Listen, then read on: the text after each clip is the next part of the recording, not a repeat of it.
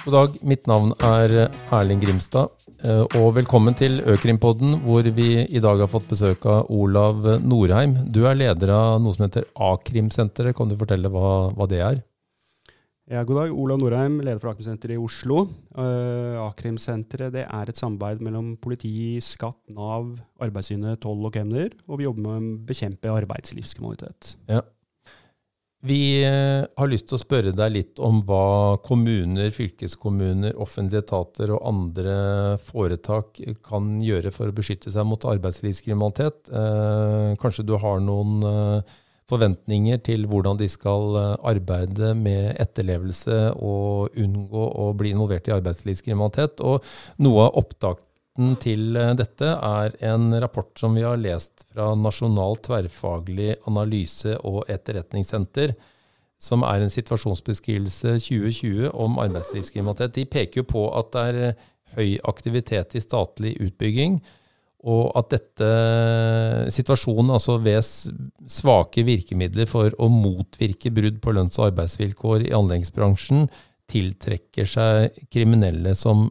ønsker å profitere på offentlige kontrakter. Eh, så det er litt av utgangspunktet for spørsmålene. Men uh, hva tenker du uh, sånn overordnet at byggherrer, om det er offentlige eller private, kan gjøre for å beskytte seg mot arbeidslivskriminalitet? Ja, jeg tenker det er viktig at de tar seriøsitetsarbeidet på, på alvor, etterlevelse og den uh, delen der. Um, vi har et godt samarbeid med næringslivet, og vi bidrar gjerne på i forhold til å fortelle litt om hvordan a-krim uh, foregår og hva de bør se etter. Men jeg tror det viktigste er å ha en bevissthet uh, om dette her i organisasjonen. vi ser der ofte der det er manglende kontrollmekanismer, der først og fremst der kriminelle aktører vil bevege seg inn og Derfor er det viktig at hele verdikjeden, at man har et apparat som klarer å fange opp a-krim, og også hindre a-krim. Mm. Det betyr vel kanskje at man må vite litt om trusselbildet? Man må forstå hvordan de kriminelle opererer?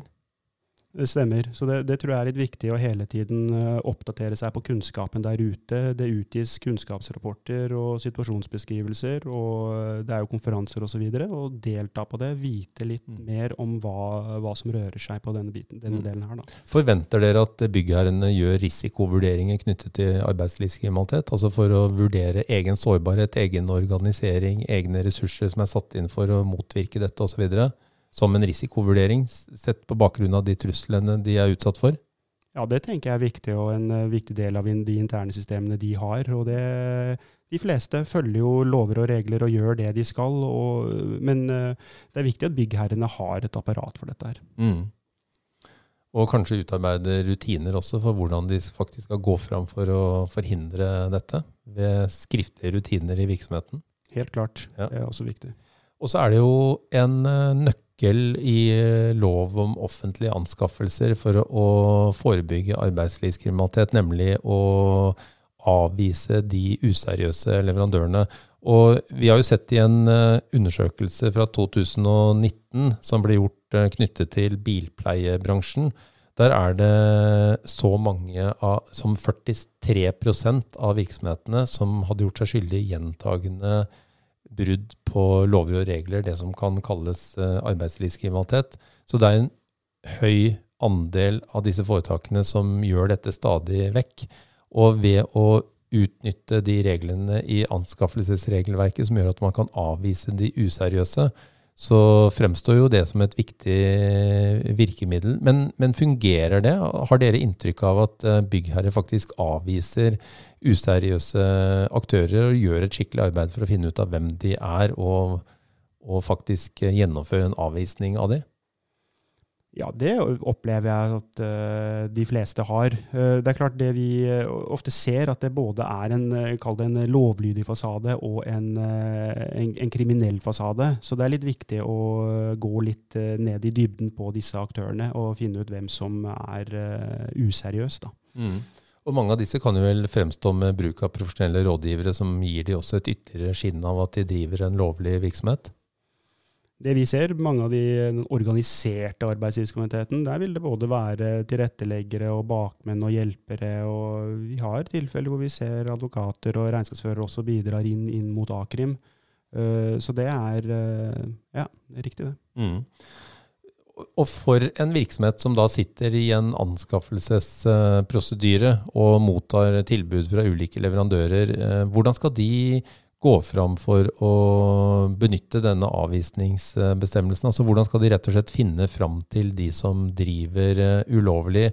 Utgir dere f.eks. en liste med Eh, virksomheter som er svartelistet, hvor de kan sjekke navn på aktører og selskap osv. Og, så og, og finne ut hvem de er, eller er dette enda mer komplisert enn som så?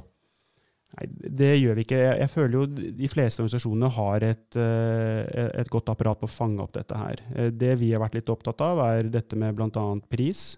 Er et tilbud for godt til å være sånn, så det ofte, kan det skyldes arbeidslivskvalitet. Så det er i hvert fall en viktig indikator på det. og og så ser vi også dessverre at det er en god del ofte diskriminatører bruker stråmannsvirksomhet. At det er ikke de reelle eierne som står fremst på papiret. Så det er viktig også å gjøre de undersøkelsene og, og grave litt, da. Mm.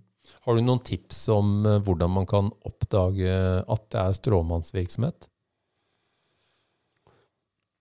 Et godt spørsmål. Jeg tenker det er uh, naturlig å gjøre de registersøkene osv. Og, så og se litt hvem som uh, dukker opp på uh, papirer, og hvem som er i registeret. Og det Er klart, er det ikke samsvar der, så er det kanskje grunn til å undersøke dette nærmere. Mm.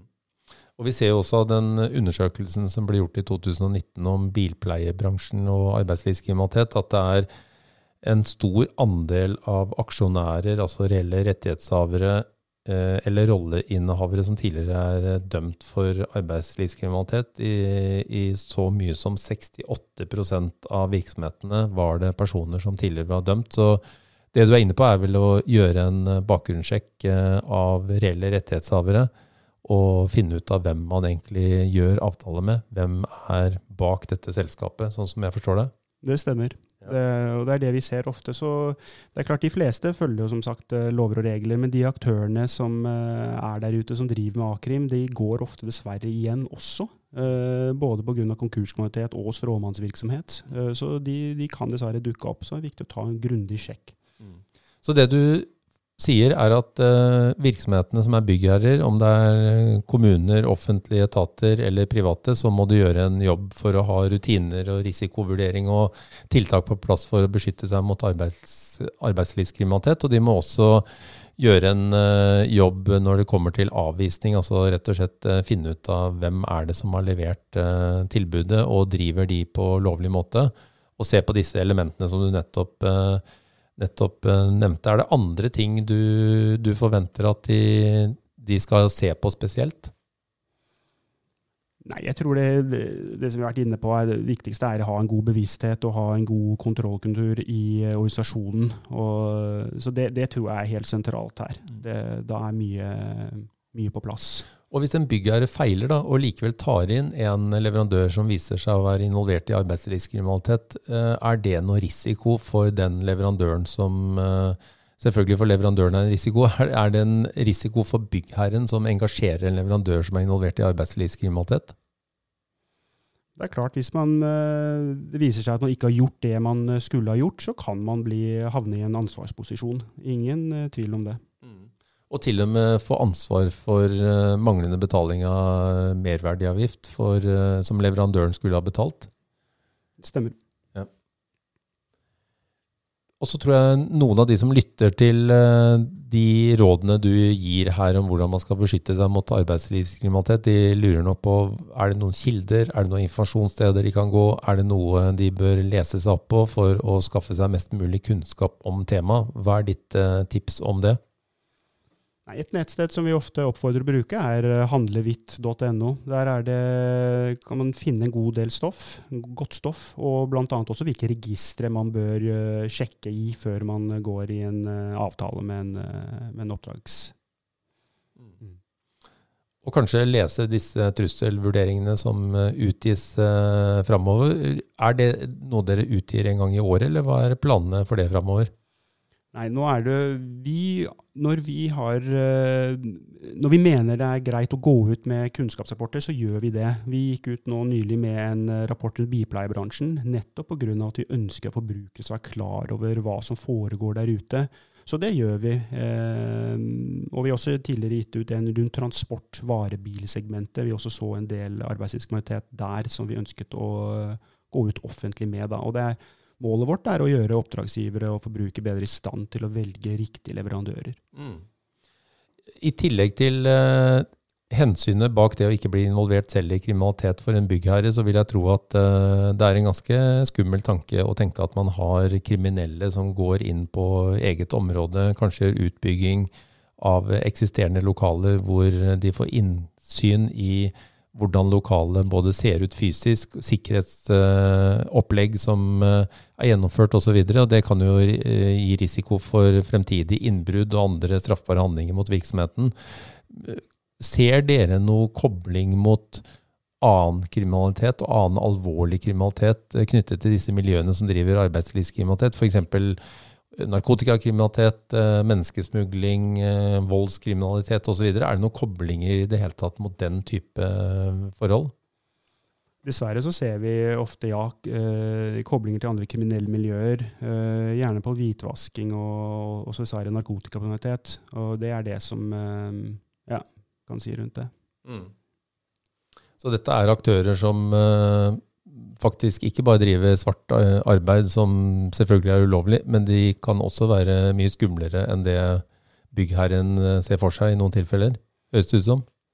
Ja, det er klart, Når man er involvert i et kriminelt miljø, så tenker jeg det er ikke noe særlig å ha dem og drive i næringslivet sammen med de. Så det tenker jeg man skal tenke godt gjennom.